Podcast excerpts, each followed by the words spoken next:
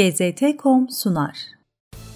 Biden, ABD'nin Yemen'de Suudi Arabistan'a verdiği desteği sonlandırdı. ABD Ulusal Güvenlik Danışmanı Jake Sullivan, ülkesinin Yemen'de Suudi Arabistan'a sağladığı askeri desteği sona erdireceğini açıkladı. Sullivan, ABD'nin küresel ölçekte müttefikleriyle ilişkilerini onaracağını, Biden yönetiminin bölgesel işbirliklerini de artıracağını belirtti.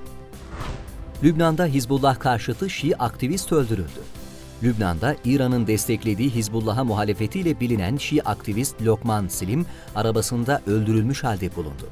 Gazeteci aktivist 58 yaşındaki Silim, ekonomik krize karşı 17 Ekim 2019'da ülke geneline yayılan protestolarda Şiilerin yoğun olduğu bölgelerde öne çıkan isimler arasında yer alıyordu. Lokman Silim cinayeti, Lübnan'da sosyal medya ve siyasi partilerin yoğun tepkilerinin yanı sıra Beyrut'taki bazı yabancı diplomatların tepkileriyle de karşılaştı. Myanmar ordusu yönetime el koydu. Devrik lider Suu Kyi kimdir?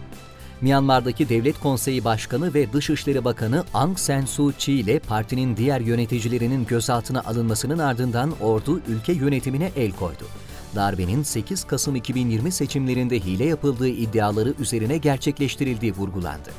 Nobel ödüllü insan hakları savunucusu olarak anılsa da ülkedeki etnik konular hakkında sessiz kalmayı tercih etmesi nedeniyle kendisini destekleyenleri hayal kırıklığına uğratan ve Arakanlı Müslümanlara karşı etnik temizlik yürütüldüğü suçlamalarına maruz kalan Devlet Konseyi Başkanı ve Dışişleri Bakanı Aung San Suu Kyi hakkındaysa soru işaretleri mevcut. Sudanlılar Afrika kıtası COVID-19 aşısı konusunda da ayrımcılığa uğruyor. Doğu Afrika ülkesi Sudan'da halk, Afrika kıtasına yönelik çeşitli alanlardaki ayrımcılığın yeni tip koronavirüs salgınıyla mücadele kapsamında başlatılan aşılama kampanyasında da kendisini gösterdiğini dile getirdi. Dünya genelinde şimdiye dek yaklaşık 100 milyon doz COVID-19 aşısı uygulandı. Afrika'da ise 156.891 kişi aşılandı. Afrika'da birçok ülke finansal nedenlerle aşı temin edemiyor. Körfez'de bazı anlaşmazlıklar halen çözüm bekliyor. Suudi Arabistan, Birleşik Arap Emirlikleri, Bahreyn ve Mısır'ın Katar'la ilişkileri kesmesinin üzerinden geçen 3 yıldan fazla sürenin ardından 41. Körfez İşbirliği Konseyi zirvesinde uzlaşıya varıldı. Zirve sınır kapılarının açılmasına, diplomatik ilişkilerin başlamasına ve karşılıklı büyükelçilerin tayin edilmesine yol açsa da hala bazı eksiklikler olduğu değerlendiriliyor.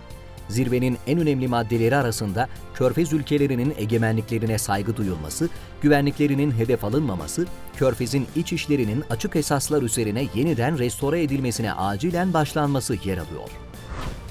Libya Sudanlı paralı savaşçılar için finans kaynağı oldu.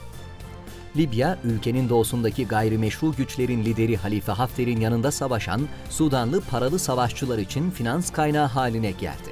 Mülteci kamplarında ve altın madenlerindeki zorlu şartlardan bıkan Sudanlılar para ve silah için Libya'da savaşıyor. Hafter destekli Sudanlı silahlı gruplar Libya'da yeni ekipman ve çok sayıda savaşçı toplayarak askeri kapasitesini büyük ölçüde artırdı. GZT.com sundu.